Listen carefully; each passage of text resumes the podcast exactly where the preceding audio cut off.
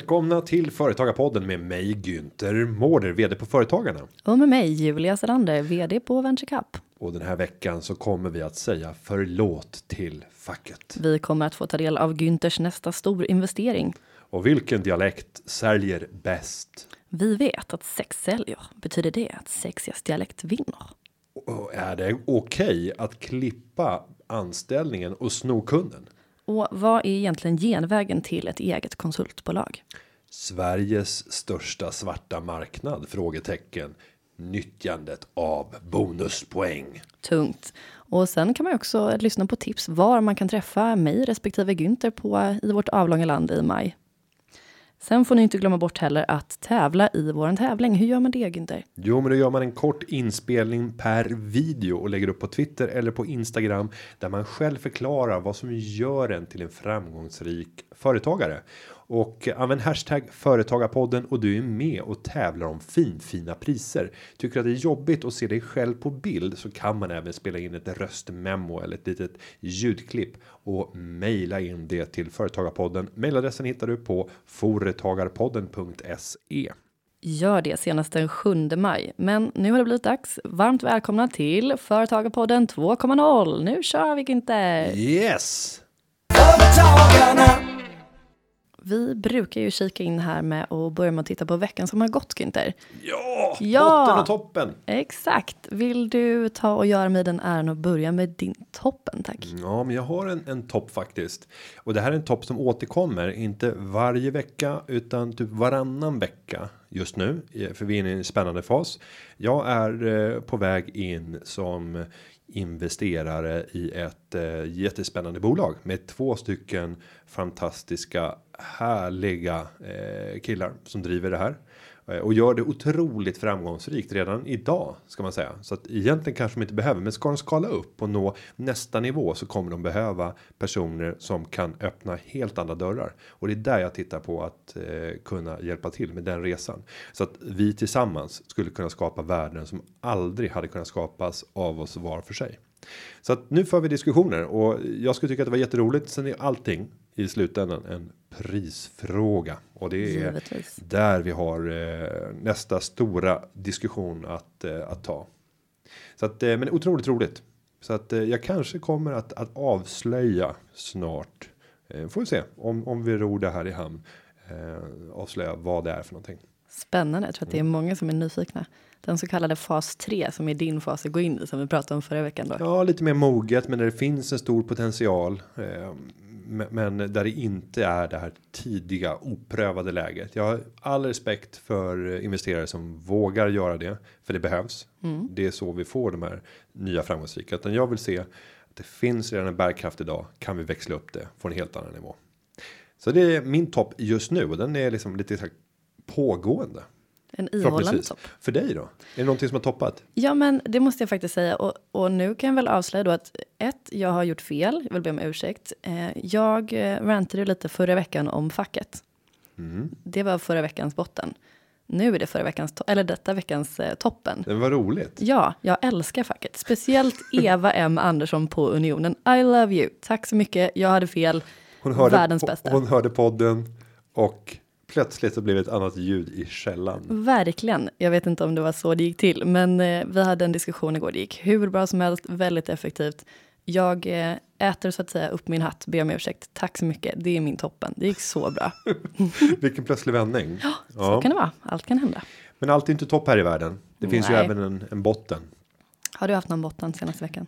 Ja, det, det skulle jag nog. Nu kanske jag avslöjar min narcissistiska sida, eh, men följande har hänt. De senaste tre åren så har jag blivit eh, eh, har fått förfrågningar om att få vara vårtalare Oj. vid eh, någon av de stora brasorna i Stockholm. Eh, vid inget av de här tillfällena har jag haft möjlighet att genomföra det här vårtalet. Vi har antingen varit på resa i Spanien eller i Göteborg. Eh, Så därför har jag varit tvungen att tacka nej. Och i år så har jag då varit hemma över Valborg. Hemma vid och varit redo att vårtala var helst Jag fick en inbjudan. Men det kom ingen Tro inbjudan. fan att det kom. det kom ingen inbjudan. Ingen ville ha mitt eh, vårtal. Eh, så jag funderar på om jag ska lägga ut det på stymt eh, i digitala kanaler så här i efterhand. Eh, att lägga ut Günthers vårtal. Jag, jag la ut ett jultal till svenska folket faktiskt i julas. Eh, och det fick, jag gjorde två versioner. En seriös riktad till eh, företagarnas medlemmar. Och den har typ 100 visningar. Eh, men sen den oseriösa som ändå är svår att tolka om den är seriös eller inte. Den ligger på mitt privata konto på, på Youtube. Så ni kan bedöma själva. Men där försöker jag lägga mig an någon form av eh, liksom landsfaderlig eh, roll. Och pratar till alla svenskar här hemma och utomlands. Hur många visningar har den då? Ja, men den, den ligger nog på 1300 visningar utan någon större marknadsföring. Så att det var den oseriösa som flög. Men och det är svårt att säga om den är oseriös. Ni får gå in och bedöma själva. Eh, för det, det, det innehåller ett seriöst innehåll. Men det är paketerat på ett sätt som är alldeles för pompöst för mig. I min roll och i min gärning. Jag ska inte inta den rollen. Eh, det är en kung som kan göra det eller en statsminister. Men det är det som är humorn. Tycker jag. Jag satt precis här och funderade lite på, ska jag säga någonting? Att det verkar otroligt pompöst det här. Men eh, ja, Ja, men det, det, det var det som var det humoristiska i det. Och att folk inte ska förstå. Menar han allvar? Nej, han menar inte allvar. Men det är ändå ett, ett bra innehåll. Hade han varit kung så hade det här varit ganska bra. Hmm. Om det hade varit lite bättre inspelning. Okej. Eh, har du någon botten? Alltså jag försökte och försökte att tänka, men nej. Alltså jag säger nog pass på den. Det är så mycket elände i övrigt i världen. Så att, Ja, men jag känner lite så här, jag är en glad göteborgare. Jag känner pepp på livet, våren kommer och snön försvinner från Stockholm. Så att ja, nej, jag säger pass på botten den här veckan. En glad göteborgare. Det leder oss osökt in till nästa ämne. Ja. Och nu har det blivit dags att tala om dialekter. Du bad ju mig att jag skulle bre på med göteborgska lite, men jag, jag verkar ju sakna förmågan att göra det. Så att jag ska göra mitt bästa. Vet inte riktigt om det kommer låta naturligt, men eh, lite så här låter det när jag pratar med morsan där hemma. Du vet. Och det intressanta nu är ju att fundera över hur fungerar olika dialekter när det kommer till företagandet och Ja. att skapa framgång för en företagare. Och då kan man ju fundera över i vilka olika dimensioner kan en dialekt ha betydelse? Och det så har vi ju liksom en intern aspekt när det gäller förtroendet som ledare för verksamheten, företagaren i förhållande till sina anställda, sina underleverantörer. Men sen har du ju också det viktiga säljet mot slutkunden. Eh, Och det där skiljer sig lite åt. Vad är det man är ute efter hos en person? Eh, och om vi tittar på så här internt. Vad vill man ha av sin ekonomichef? Det är ju det stabila, det trygga. Vad vill man ha av sin utvecklingschef? Om man nu har ett företag som har alla de här rollerna. Det är ganska osannolikt för det är rätt få som har det. Men utvecklingschefen och innovatören ska gärna vara eh, crazy, våga tänka stort, utmana, eh, uppvisa drag av att inte vara eh, liksom stabil är inte egenskapen man söker. Lite mer rapp och snabb och inspirerande kanske. Ja, men vad tänker du kring liksom, dialekters förmåga att kunna addera osynliga och o, ja, o, osynliga värden som kan hjälpa oss på vägen? Som företagare i företagarbranschen? Nej, men jag tänker väl att det, man skulle kunna ta ställningen att det här är någonting som man är född med. Det går inte att hjälpa. Men som med allt annat så handlar ju sälj om relationer. Och jag tror att har man inte lagt märke till vilken dialekt man gör affärer med eller vilka som säljer till en och man inte stör sig på det, då är det en bra dialekt. Då funkar det. Eh, man märker när man inte gillar det. Och sen är det ju precis som allt annat. Smaken är som baken. Naturligtvis. Eh, delad. Men hör, för jag tänker så här. Um, alltså som born and raised i Göteborg. Gud vad jag pratar om det. Det är väl ingen som har missat det vid det här laget. Men, men jag har ju eh, jobbat som telefonförsäljare bland annat. Och där var det, hur var det nu? Det var någon jävel som sålde riktigt mycket. Och det var den som pratade mest, mest göteborgska. Men den personen sålde också sämst i Göteborgsområdet. Så att när den personen ringde till alla andra ställen så sålde den hela tiden. Så att jag tror att det är någon så här exotisk grej. Att man, det är svårare att sälja på hemmaplan om man har en utpräglad dialekt. Vad tänker du? Jo, det kan säkert vara så. Det känns ju mer spännande att köpa någonting som är mer avlägset. Å andra sidan beror det på vad det är för typ av produkt eller tjänst. Eh, ska den vara trygg och förutsägbar? utan överraskningar. Ja, då ska det helst av allt inte vara så exotiskt. Eller så ska den inte vara så jättenasal, tänker jag. Det är en personlig preferens. Ja, ja, men jag tror att det skiljer sig mycket åt och nu har vi inför det här tittat på ganska många undersökningar och det finns så mycket undersökningar Ja. på det här området eh, när det gäller dialekter och vad de har för förtjänster. Eh, och, och då kan man ju också tänka sig att eh, Sverige är ju eh, väldigt skevt fördelat när det gäller var människor bor. Eh, och det gör att när man gör såna här undersökningar om vi ska kritisera metod så skulle man kunna säga att om vi eh, bara återspeglar hur Sverige ser ut befolkningsmässigt så kommer det bli ett väldigt storstadsfokus på de här undersökningsresultaten. Och det gör att det, de här rekommendationerna eller de här listningarna som man nu får fram kommer inte alls gälla när man kommer ut på mindre orter eller på landsbygd. För de är så få i antal man gör undersökningar på tusen svenskar. Så att deras preferenser kommer aldrig att tränga igenom i de här resultaten. Så tänker jag. Så summa summarum, var kritiska mot de här resultaten. Ja, Jag har ju kikat på en undersökning. förtälj oss. Ja, och den är gjord av Comhem. Men jag vet inte, nu blir jag partiska för att resultatet är ju häpnadsväckande. Nej, men man har eh, frågat eh, nära 2600 svenskar eh, och fyra av tio svarar ja, helt klart eller ja, kanske på frågan om dialekten överhuvudtaget har betydelse. Så det kan vi börja med. Och den mest populära, vilken är den dialekten tror du i den här undersökningen? Jag tror att det är norrorts Stockholms dialekt. Fel. Göteborg såklart. Ja, det är klart. God och glad. God och glad kexchoklad. Eh, nej, men det, det är ju. Eh, jag tror att det ligger någonting i det. Om vi pratar om det rena säljet när det kom hem. Vi pratar om en ganska enkel försäljning, en homogen produkt. Eh, den kan inte skilja i kvalitet nämnvärt utan antingen så har du alltså det är väldigt binärt. Antingen så har du ett kom hem abonnemang eller så har du det inte. Nu är det här visserligen en undersökning som de har beställt. Men sen får man också vara kritisk till hur de har beställt den. Och sen tänker jag att man får ta hänsyn till att om det är säljare som har sålt en kom hem produkt så är det ett väldigt väl etablerat varumärke som säkert många känner till. Så att ska man sälja det kanske man inte bryr sig jättemycket om vilken dialekt man lyssnar till.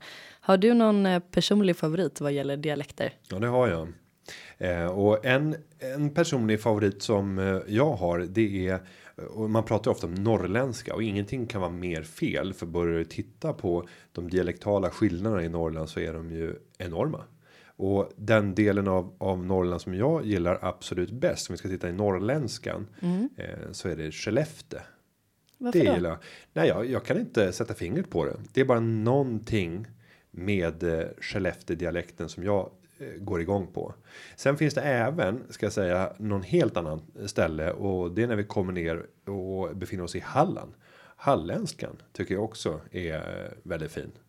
Så att eh, det är, och de är ju verkligen inte lik varandra. Per Gessle-style.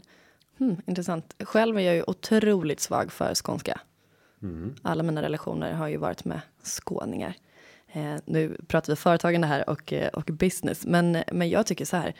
Eh, allting som kan förstärka ens personlighet är så jäkla härligt. Så bara man har en dialekt överhuvudtaget, vilken den är, bre på skulle jag säga. Sen får man ju känna men är, av. Är du rätt person att säga det? För jag har hört flera som har sagt nu när de har lyssnat på podden att det hörs verkligen inte alls att hon är från Göteborg. Ja, jag skulle säga att jag är rätt person att uttrycka min åsikt i alla fall. Men, eh, men jag tänker så här, som, som sagt, sälj handlar ju om personliga relationer och där får man ju känna av. Märker du att den du ska sälja till drar öronen åt sig antingen kring erbjudandet eller hur du framstår som person, vad du har på dig, hur du pratar. Utan att vara för mycket kameleont så kan det vara läget att, att överväga att slipa bort eller bre på lite. Det märker man ju av. Och om vi tittar vidare på den här undersökningen som eh, har gjorts. Nu ska vi se Sifa undersökningen eh, att svenskarna också anser att göteborgskan är landets sexigaste dialekt. Nummer ett som sexigast. Inte helt oväntat. Nej, men sen finns det faktiskt en, eh, en motsats där och det här visar väldigt lite grann att det är svårt att göra sådana här undersökningar. För även datingsajten Mötesplatsen har gjort en undersökning också på temat sexigast. Men nu är frågan, vi vet att sex säljer och därför så kanske det är positivt att tänka att man ska ha en sexig dialekt som säljare. Där är norrländskan som toppar. Eh, kanske lite överraskande.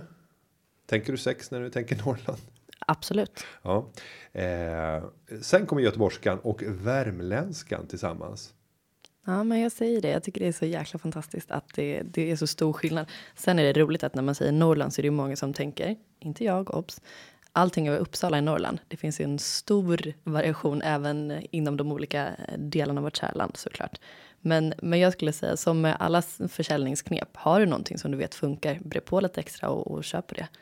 Sen, sen kan vi gå vidare med lite andra undersökningar och där har Handels utredningsinstitut undersökt eh, dialekter och eh, undersökt trovärdigheten.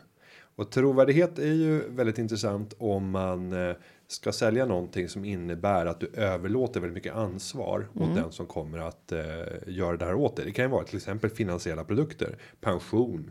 Eh, och där säger man att just eh, värmlänningar och gotlänningar saknar trovärdighet. Jag, jag håller inte med om det här. Ska jag säga. Jag tycker inte att det är så. Jag, och jag har till och med hört studier där man eh, säger att gotländska och dalmål är de dialekter där vi minst känner oss eh, riskerade att bli lurade. Och det måste ju hänga samman med trovärdighet. Absolut. Lite grann. Men jag tänker så här, har du inte varit med i olika antingen privata eller säljsituationer med jobbet eller vad det nu kan vara? Att det finns ingen anledning till det, men vissa personer klickar det bara inte med när du ska prata. Du vet att man börjar prata i mun på varandra, att det blir så här. "Hej, eh, nej, ah, oh, Okej, alltså så att det är också en del av retoriken tänker jag. Inte så mycket kanske. vilken dialekt utan vilket vilket flow ni har när ni pratar och där finns det ju fördelar och nackdelar med olika dialekter och hur liksom de här gifter sig med varandra tänker jag. Det vore intressant. Hur väl pratar en göteborgare med en som är från Dalarna och så vidare. Alltså, jag tror att det finns olika studier där som skulle vara intressanta. Men om jag ska Flowet. om jag ska skicka med ett dialekttips när det gäller säljet och som jag använder rätt mycket. Jag har ju nu under eh, ja, hur lång tid är det? Det är nog 12 års tid haft eh, förmånen att i alla mina jobb få resa runt väldigt mycket i Sverige för att möta människor och antingen prata sparande och aktier eller prata företagande. Och det gör att jag har en relativt god eh, kunskap om att kunna höra och identifiera dialekter. Och det där är någonting som jag kan ha stor glädje av när jag kommer i sammanhang där man får möta någon med en dialekt som inte hör hemma på den platsen och man omedelbart kan identifiera vem den är. Mitt sätt att göra det, det är att koppla dialekten med människor på den orten och sen komma ihåg var de bor. Och nu har ju vi företagen har ju 260 lokalföreningar så det är ganska många olika platser i Sverige man måste hålla koll på. Men det är lättare att alltid förknippa det med ett ansikte, en person och sen komma ihåg var de bor än att försöka komma ihåg de här dialekterna och bara blunda och säga vem låter det här som? Så bara, jo, det låter som den här personen. Var bor den personen? Den bor där och sen så droppar det. Säljknep. Och där, där händer plötsligt någonting. För personen känner sig sedd, eh, förstådd. Det är någon som visar intresse för var jag kommer ifrån. Och helt plötsligt så föds möjligheten att kunna börja sälja oavsett vad du vill sälja. Det kan vara att du vill sälja in dig själv som person. Att du är en skön skön lirare eller att du ska sälja en produkt eller en tjänst i förlängningen. Men det kan aldrig vara en nackdel att vara duktig på att höra dialekter och att kunna omedelbart koppla an och ställa frågor om det. Kan du dessutom lite grann om Sveriges geografi, lite grann om vad som händer politiskt, hur det ser ut näringsmässigt, vilken är den största frågan på orten? Ja, då brukar det bli bingo. Eh, jag har en bok med mig också när jag är ute och reser eh, som går igenom hela Sveriges näringshistoria. Där man kan slå upp den minsta lilla kommunen och så står det de saker som mest har präglat den här regionen eller kommunen eller staden i ett eh, företagarperspektiv eller näringsperspektiv. Och det där är ofta väldigt stora pluspoäng när man eh, kommer och kan droppa de sakerna. Det kan jag tänka mig. Man vet ju själv om man står på ett mingel och har någon som man känner igen och känner sig nära eh, besläktad med vad gäller dialekter. Då brer man på lite extra. Det är Ja. lite som när man är i Thailand och träffar en svensk. Då Men- blir man riktigt hemmakär. Men hur, hur mycket växlar du i ditt professionella jag mellan olika dialekter Ehm, väldigt mycket skulle jag säga. och i vilka sammanhang? Inte medvetet. Det är, så här, är jag, är jag i Göteborg så, så byter jag dit. Är jag här i Stockholm så pratar jag kanske lite mer så kallat rikssvenska. Jag kan inte säga att jag börjar prata norrländska om jag är ovanför Uppsala eller skånska i Skåne. Men, men som du säger, det handlar väl mer om att man tar tillvara på eh, de olika unika egenskaperna, kunskaperna som man tillskriver de här olika orterna och personerna och dialekterna och använder dem i sälj på ett härligt sätt. Det blir trevligare att prata med någon som, som känner sig omtyckt och sedd också. Och en, en ganska bra och positiv sak det är ju att visa att jag är en av er. Det kan man dels göra genom dialekt men man kan också göra det genom berättelser. Eh, Och i Göteborg så har jag lätt att bli respekterad. Eh, Trots att jag inte pratar göteborgska för jag kan säga att halva mitt hjärta finns i Göteborg. Och det är helt sant, eller? Ja, men det blir ju så eftersom min fru kommer från Göteborg. Och det är här jag har mina svärföräldrar. Det är hit vi åker på somrarna och semestrar ute på Styrsö. Det är här i Göteborg som jag har ett av mina företag som jag är engagerad i. Eh, och att när man börjar prata på det sättet och vill ni träffa mig så absolut bästa stället. Åk ner till bastun i Kullavik småbåtshamn. Där kommer ni allt som oftast att, att hitta mig sittandes ljugandes med, med andra gubbar. Och sen är det bara ett litet tunt skynke över till damsidan. Så där kan man sitta och tjuvlyssna lite grann. Nu på. släpper vi den här diskussionen. Ja, eh, Men ja, och om det är någon som, som tar emot det här på ett väldigt positivt sätt så skulle jag säga att då är det ju västkusten. Då är det ju göteborgare. Så fort man börjar. Jag känner ju redan att man blir som smör när du pratar så här. Ja, men, men det blir det. Och, sen, och då gäller det att hitta så många referenser som möjligt. För jag kan ju inte Mm. alltid vara i Västsverige och Göteborg. Och när jag kommer ner till Småland, då kan jag alltid påtala mina småländska rötter från Ljungby. Eh, Och din Eller småländska eh, inställning till livet skulle jag säga nu, Nu också. säger jag helt fel här. Eh, Ny, Pinsamt. Nybro menar jag. Eh, Så det gäller att, att säga rätt också. Eh, Familjen Mårder kommer ursprungligen från Nybro. Om vi tittar på Mårder. Det var där Mårders möbler skapades. Eh, Möbelkreatör, morfar i. Eh, och sen kan man åka upp till Alnön utanför Sundsvall. Men det var därifrån farmor kom. Och så kan man dra berättelserna därifrån. Eller ut mot Gimo, då har vi Bergslagen. Eh, eller förlåt, Roslagen. Det gäller att hålla ihop här. Det gäller att, att, att inte slira på orden. Kära lyssnare, jag tycker att ni ska ta med tipset härifrån att håll tungan rätt i mun. Ska ni försöka anpassa er så gör det rätt, annars kan det bli pannkaka. Men, men gärna dra referenser till varför betyder den här platsen på jorden så mycket för mig och på vilka sätt har jag kopplingar hit? Varför känner jag mig så hemma när jag får stå tillsammans med er här idag? Ja, men och precis som med vanligt sälj, var nyfikna, var genuint nyfikna, för då blir det bra. Folk märker om man fejkar.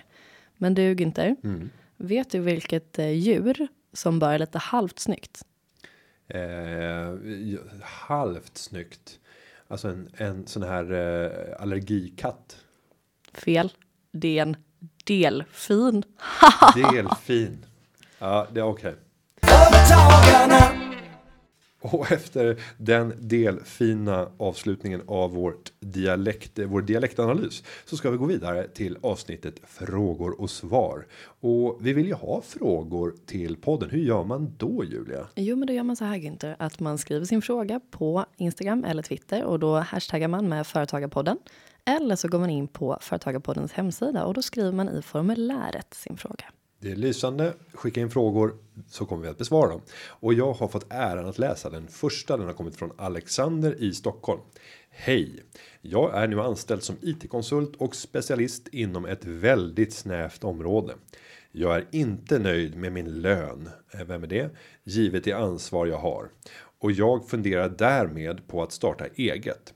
Då jag jobbar i, en väl, i ett väldigt stort projekt tror jag att jag kan avsluta min nuvarande anställning för att sedan starta eget och bli anlitad igen av samma kund för samma position. Får jag göra så här? Hur går jag tillväga för att sälja in mig som egen konsult på ett snyggt sätt? Tack. Ja, Julia. Det här är det är ingen okänslig fråga. Nej, Många känner nog igen sig i den här bilden. Man gör ett konsultjobb eh, och man ser att jag skulle kunna göra det här från egen regi. Jag känner kunden bättre än vad mina chefer gör. Vad gäller? Ja, men vad gäller egentligen? Tack Alex för en bra fråga. Först och främst, jag tycker att det finns flera vinklar på den här. Eh, Jag tolkar det som att du är anställd inom en privat eh, sektor och då tycker jag att du ska börja med att titta i ditt anställningsavtal. Vad är det som gäller där? Har du någonting reglerat så kan man börja med att kika där. Sen är det ju faktiskt så, eller hur Günther, att när du är anställd så har du inte rätt att bedriva konkurrerande verksamhet Däremot- Absolut inte. Du har en lojalitetsplikt. Ja, Mm. och vad innebär den då?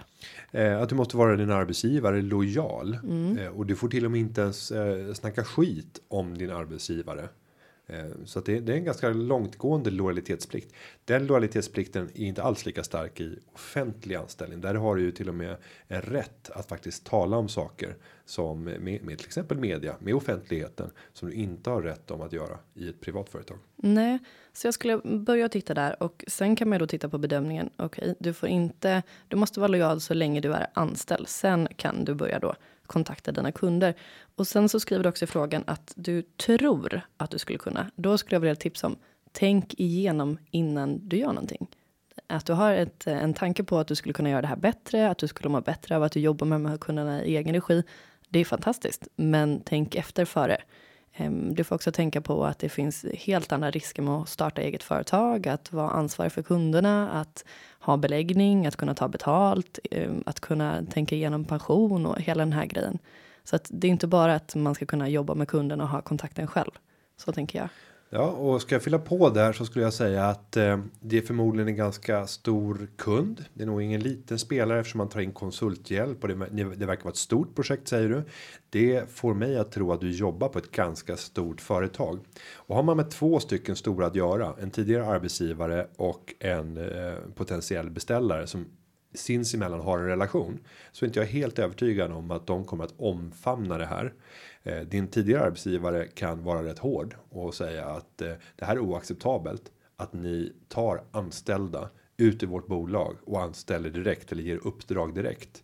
Är ni rädda om den här relationen så bör ni förhålla er till oss som leverantör. Och där har ju de ett trumfkort skulle man säga. Ja, och det här är ju liksom inte.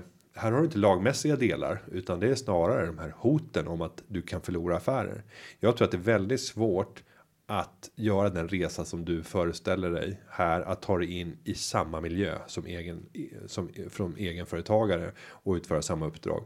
Jag tror snarare att du ska titta på vilka andra kunder skulle kunna tänka sig att köpa det jag kan göra och istället kanske gå ner lite grann i arbetstid eller prioritera om i ditt liv för att testa om det finns någon stor aktör som ni idag inte jobbar med och som det inte är sannolikt att ni skulle bearbeta som du skulle kunna fråga.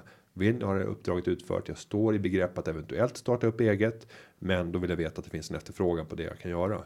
Då är det mer rena affärer när det inte finns någon relation. Du drar och du startar upp visserligen samma verksamhetsområde, du tar med dina kunskaper som du har förvärvat från en anställning, men det kan vi aldrig skydda.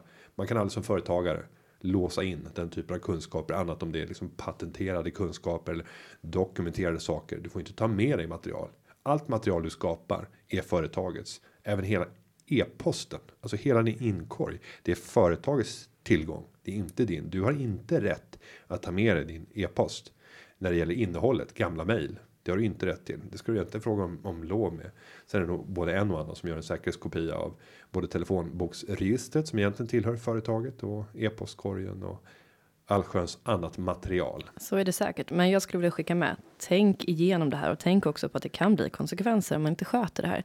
Så att man kan ju faktiskt bli skadeståndsskyldig om man inte om man inte just respekterar de här sakerna. Så att svaret är väl ja, man kan göra det, men i ditt fall Alexander så tänker jag att du skriver också att du inte är nöjd med din lön. Kan man kanske inte börja där? Varför är du inte det? Prata med din arbetsgivare. Skulle du kunna gå upp i lön? Skulle du kunna gå ner i anställning i procent och istället göra någonting vid sidan om? Kanske kan du till och med komma fram till en lösning som känns bra för båda fastän du är kvar delvis. Och sen låter det som att han är en kritisk produk produktionsresurs. För annars skulle han aldrig börja resonera i de här termerna. Nej. Om han inte förstod att det jag tillför är väldigt värdefullt. Och det är det där som är ett trumfkort. Kan du göra det ännu mer oumbärlig för verksamheten? eh, Ja, då föds också bättre möjligheter att också kunna förhandla om sin lön. Nu håller vi på och hjälper enskilda arbetstagare här mot en företagare. Så att nu ska vi, nu ska vi vara tysta här. Ja, men precis. Det vill jag också avsluta med. Tänk in dig själv i situationen sen, Alex, när du har startat ditt eget bolag. Hur hade du velat att din anställd hade gjort mot dig? Det där tycker jag var det bästa avslutande rådet på den här frågan. Du ska vara mot andra som du vill att de ska vara mot dig. Så är det. Det behövs inte en bibel för att konstatera det. Ska vi ta nästa fråga? Att vi ska. Då har vi fått en fråga från Krabban Larsson. Tjena! Krabban, så här skriver Krabban. Hej Företagarpodden, tack för en intressant podd. Jag är 30 år, civilingenjör och jobbar på ett konsultbolag inom en bransch med beställare huvudsakligen inom offentlig verksamhet, inom parentes mycket LOU. Jag vill starta en egen konsultfirma om cirka fem år för att innan dess bygga upp erfarenhet, kontakter och startkapital. Under denna period vill jag förbereda mig så mycket som möjligt. Då kommer frågan här. Finns det böcker eller distanskurser som är hands-on? Är det en vettig väg att gå eller, kan man lära sig att, eh, eller hur kan man lära sig? Och hur mycket sånt måste man kunna eh, innan man drar igång? Vänliga hälsningar, Krabban Larsson. Spännande. Vad säger du Günther? Krabban krabban. Det finns inga genvägar till det perfekta ljudet sa farbror Barbro en gång och det gäller även här. Eh, det är svårt att läsa sig till att det är ungefär som att, att läsa sig till att bli en duktig bilförare. Det är svårt. Du måste ut och praktisera. Eh, jag har sett få skolboksentreprenörer som har blivit mycket framgångsrika utan det det handlar om. Det är ju dådkraft att vara riktigt duktig och kunna ta in ny information, snabbt agera på den och vara handlingskraftig. Det är oftast det som särskiljer personer, inte vilka böcker man har läst eller vilka utbildningar som finns i botten. Sen så är det klart att det finns en fördel om man har koll på de strukturella delarna. Mm. Så att det finns grundkunskaper när det gäller om vi tar i ett akademiskt perspektiv så skulle jag säga att man har alltid glädje av att ha läst Jöken jag vet inte om den finns kvar, juridisk översiktskurs. Den finns kvar. Ehm, jag läste Riken, rättsvetenskaplig introduktionskurs och då hoppade man över familjerätten och ersatte det mer med sånt som är affärsorienterat. Och det var fördel, för familjerätt är inte det första du behöver sätta dig in i. Ehm, det kan det vara om det blir skilsmässor och liknande och du vill behålla ditt bolag och så vidare. Men eh, att ha grundkunskaper där, att kunna förstå grunderna i företagsekonomi, grundläggande redovisning, kunna läsa och förstå en resultat och balansräkning, förstå kassaflöde, lära sig att förhandla med en bank. Hur ska man göra för att bli tillfredsställd där? Att börja titta på vad är det kunder efterfrågar? Vilka problem är det att lösa? Att redan börja skissa på en modell för vad är det du skulle kunna göra i framtiden och vilka skulle du behöva ombord för att leverera på det problem du vill lösa? Så där tycker jag man kan skissa mycket. Men ett, ett tips som jag tror är står över allt annat. Det handlar om självkännedom. De som är framgångsrikast oavsett om det är chefer och ledare eller om det är liksom företagare. Det är oftast de personerna som har insikter om sina egna eh, styrkor och svagheter. Och att då göra olika typer av personlighetstester för att snabbt här, identifiera vad är jag egentligen för människa och reflektera över de resultaten i din nuvarande anställning. Se vad är det det här ger för behov när det gäller att para ihop mig med andra människor för att skapa ett starkt team. När kommer jag till min rätt? Och det skulle du kunna ägna de här åren åt för att vara en expert på dig själv har byggt upp en självkännedom som är skyhög som snabbt gör att du kan rekrytera ihop teamet. Sen ska du leta efter de här personerna som kan göra den här resan tillsammans med dig. Börja prata med dem så att ni är förberedda när startskottet väl går. Då vet alla vad de ska göra. Det är ungefär som krigföring. Du ska ha en klar plan och sen är det bara anfall. Jag älskar den här liknelsen Kanske. med krigsföring och företagarna, men det kan ju vara accurate i vissa sammanhang. Vad tänker du? Nej, men jag håller med mycket i det du säger och jag vill också börja med att säga att Krabban, superbra inställning. Du vill ta reda på teorin först och sen vill du köra. Då skulle jag säga så här. Internet svämmar över av filmer, tips, poddar, kontakter, mingel. Det är så hett att vara företagare, vilket är fantastiskt. Ehm, jag kan också tänka mig att ett bra knep är att försöka hitta någon slags mentor eller någon person som har gjort den här resan som du vill göra. Bolla med den, fråga hur började du? Vad kan jag tänka på? Vad ska jag inte göra? Eh, lär dig suga in dig allt som en svamp. Eh, och börja i liten skala. Eh, men det är klart att det finns både böcker, distanskurser, allt möjligt. Googla och du skola finna svar.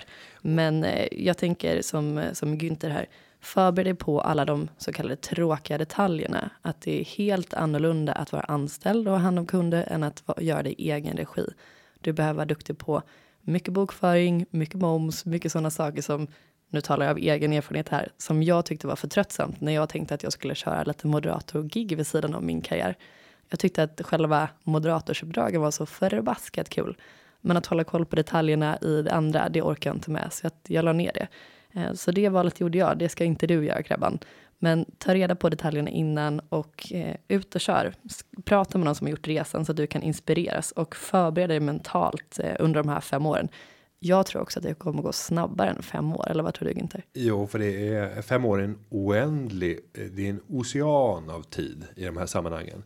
Så jag skulle säga våga dessförinnan. Ja, men Och jag skulle och sen skulle jag också med hjälp av min trovärdiga dialekt och trovärdiga stämma också sälja lite grann. För att jag fattade beslut för två veckor sedan om att jag ska skriva en bok. oj, Det här har inte jag berättat. nej, Nej. kör nu. Jag ska skriva en bok eh, och den kommer finnas till salu. Jag tror att det kommer dröja ett och ett halvt år innan den kommer kan, kunna releasas. Men den kommer att handla om eh, ungefär 100 tips eh, på framgångsrika eh, saker som företagare gör. Och jag får ju vara ute och träffa mängder av företagare varje vecka. Och jag för alltid anteckningar och försöker analysera vad är det som har gjort just den här företagaren framgångsrik. Och nu ska jag öppna upp det här och börja dela med mig av mina observationer och även kunna exemplifiera det med bolag som jag träffat och företagare som står bakom de bolagen.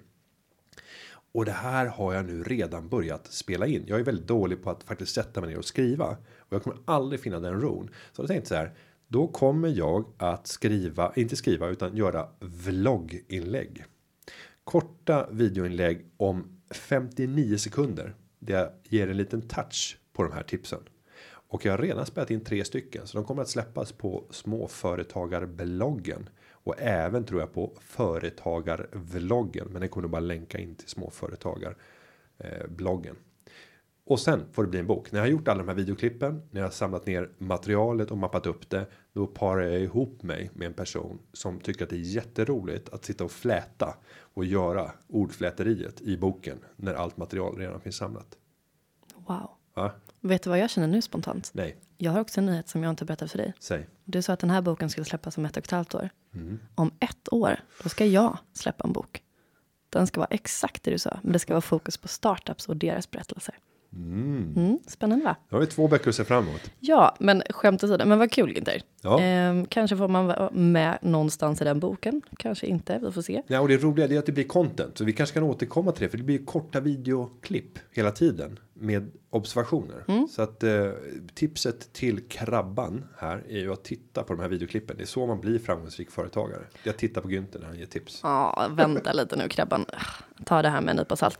Men jag tänker så här, förbered dig mentalt och tänk igenom. Vad gör dig bättre? Du har ju en magkänsla här som är jättestark som säger att du vill bli egenföretagare, du vill konsulta inom det här. Du kan jättemycket grejer. Det är en, ett jäkla försprång.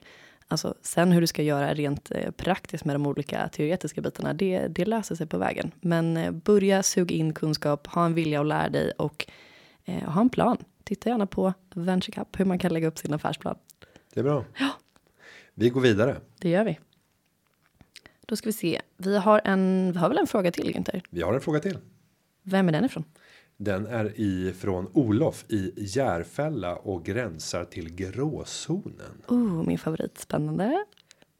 Okej, men då kan jag läsa den. Olof skriver så här. Hej, er podd är både, både underhållande och lärorik. Tack så mycket. Fråga. Vad gäller för privat utnyttjande av bonuspoäng som är intjänade under arbetsresor? Är det okej att ta intjänade förmåner för privat bruk? Är det chefen som ger tillåtelse eller är det lagreglerat på något sätt? Gäller olika regler för privatanställda eller statligt anställda? Och så skriver han så här. Jag hade tänkt att samla ihop till en gratistripp med hotellnatt och flygresa. Samtidigt som jag nu hör debatten om politiker som inte ens får utnyttja poängen till smörgåsar. Sparad krona eller gråzonen, skriver Olof. Tack för en spännande fråga. Det här är ett roligt område och får jag vara lite så här språkpolis först? Jätte- Jag ja, förväntar mig inget jag, annat. jag hatar språkpoliser i övrigt. Eh, Förutom när du är den själv. nej, det är själv. Ja. Ja. Och det är det här utnyttjande av bonuspoäng och det skulle man kunna säga i det här fallet. När man säger ut så betyder det ju att det sker på någon annans bekostnad. Och då är frågan vems bekostnad? Och i det här fallet så är det ju den som bonuspoängen egentligen tillhör. Så du skulle vilja säga användande istället, eller? Eh, nyttjande. Nyttjande? Alltså, mm. eh, det är många som pratar om när vi räcker fram våra medlemsförmåner. Då är det så här. Ja, men jag har utnyttjat flera av företagarnas medlemsförmåner. Mm. Så vad du utnyttjat på vems bekostnad har du nyttjat den här förmånen? Det finns ingen som har förlorat på det. Företaget som har sålt sin produkt har tjänat på det. Du har tjänat på det och företagen har tjänat på det för du, du får en högre lojalitet i förhållande till till organisationen. Ingen har utnyttjats utan du har nyttjat, inte utnyttjat. Okej, då är vi med. Nyttjat. Fy fan vad otrevlig. Verkligen. Alltså, det finns ingenting som säljer Olof så kommer dåligt. aldrig mer skicka in en fråga till, till Företagarpodden. Jag ber om ursäkt. Nej, men det är alltid bra med lite språklig. Mm. Och ni får gärna vara språkpoliser gentemot oss. Eh, inga problem. Men nu kommer vi till det intressanta. Vad är svaret på frågan? Vem tillhör poängen? Får man nyttja det här? Och vi kan väl alla dra oss till minnes för en månad sedan ungefär. Så åkte Thomas Tobé. Partisekreterare i Moderaterna vid det laget och fortfarande eh, dit för att han hade använt poäng på sitt SJ Prio-kort Exakt. och köpt sig. Det lät som att han hade gått på bolaget och köpt korgar av vin. Jag tror inte riktigt att det var så, utan jag tror han gick till bistron och köpte de här svindyra eh, små flaskorna som ska man bli full på det måste man köpa 10 stycken och då har man bränt eh, det som heter, det heter årskort av priopoäng på det. Det är jättedyrt att använda poängen, men jag tror att to, eh, Thomas Tobé tänkte så här. Han är ute och jobbar asmycket. Eh, och han, sena kvällar och kommer hem sent på natten. Och han hade kanske varit ute i Karlskoga och så skulle han åka hem och bara.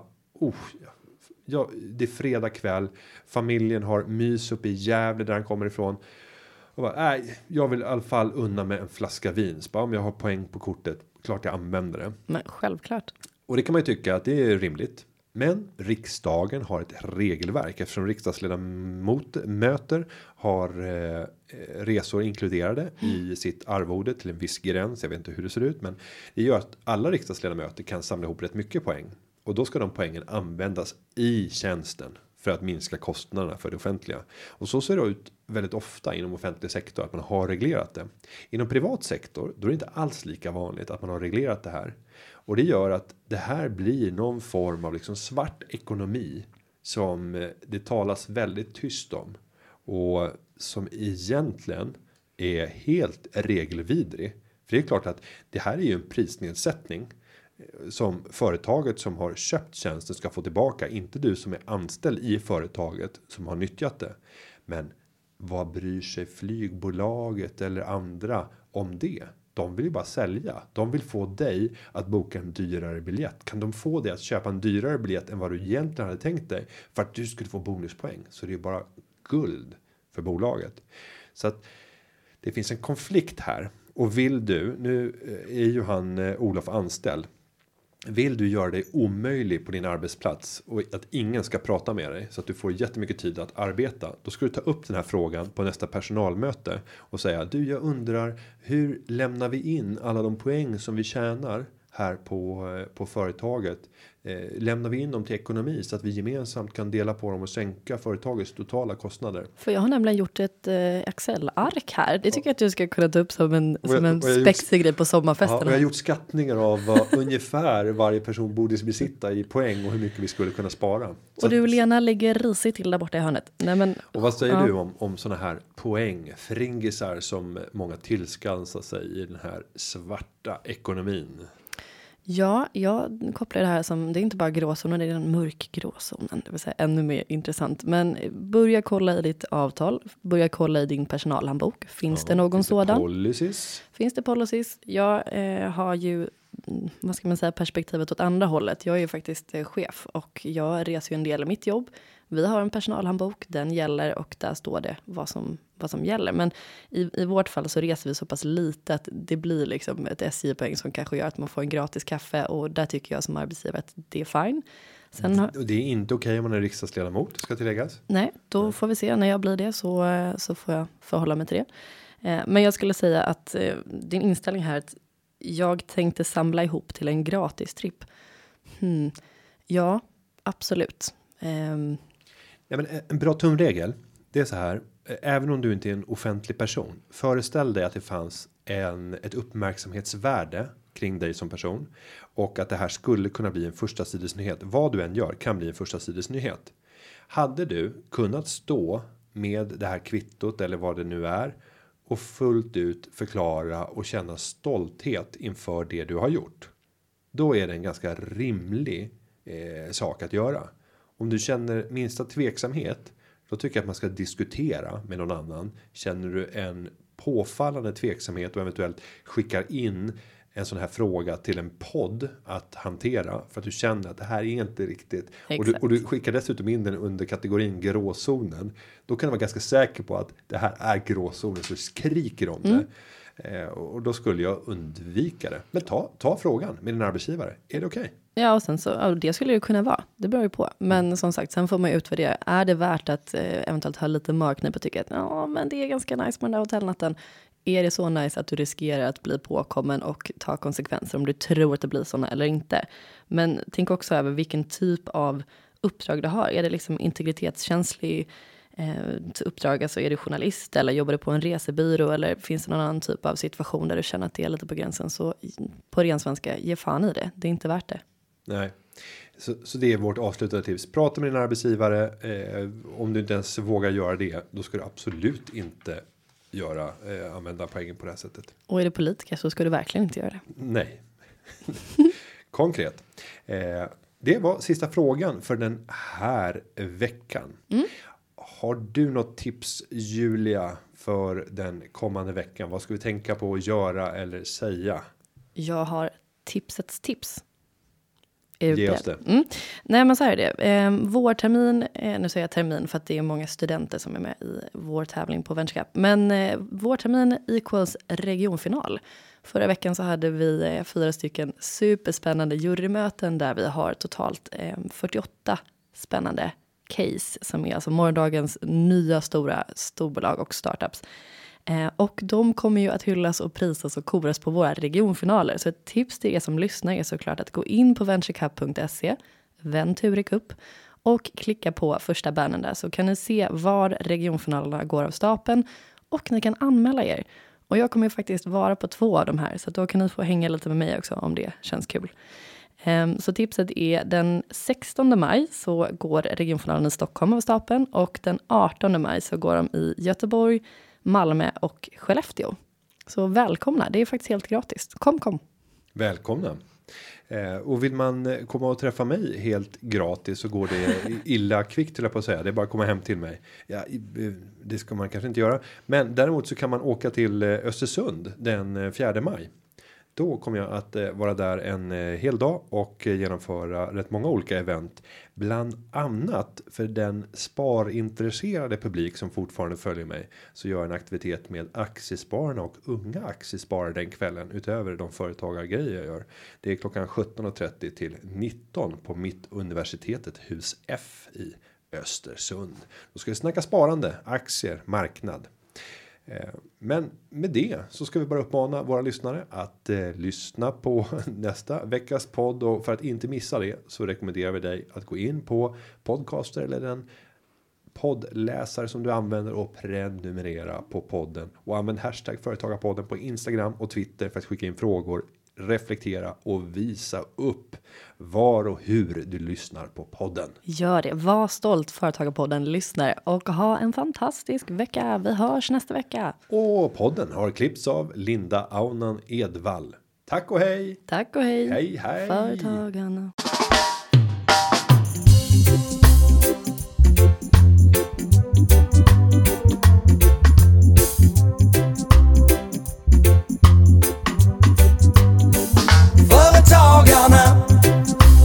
Ja, ja, ja, ja, ja. Företagarna. Ja, ja, ja, ja, ja, ja.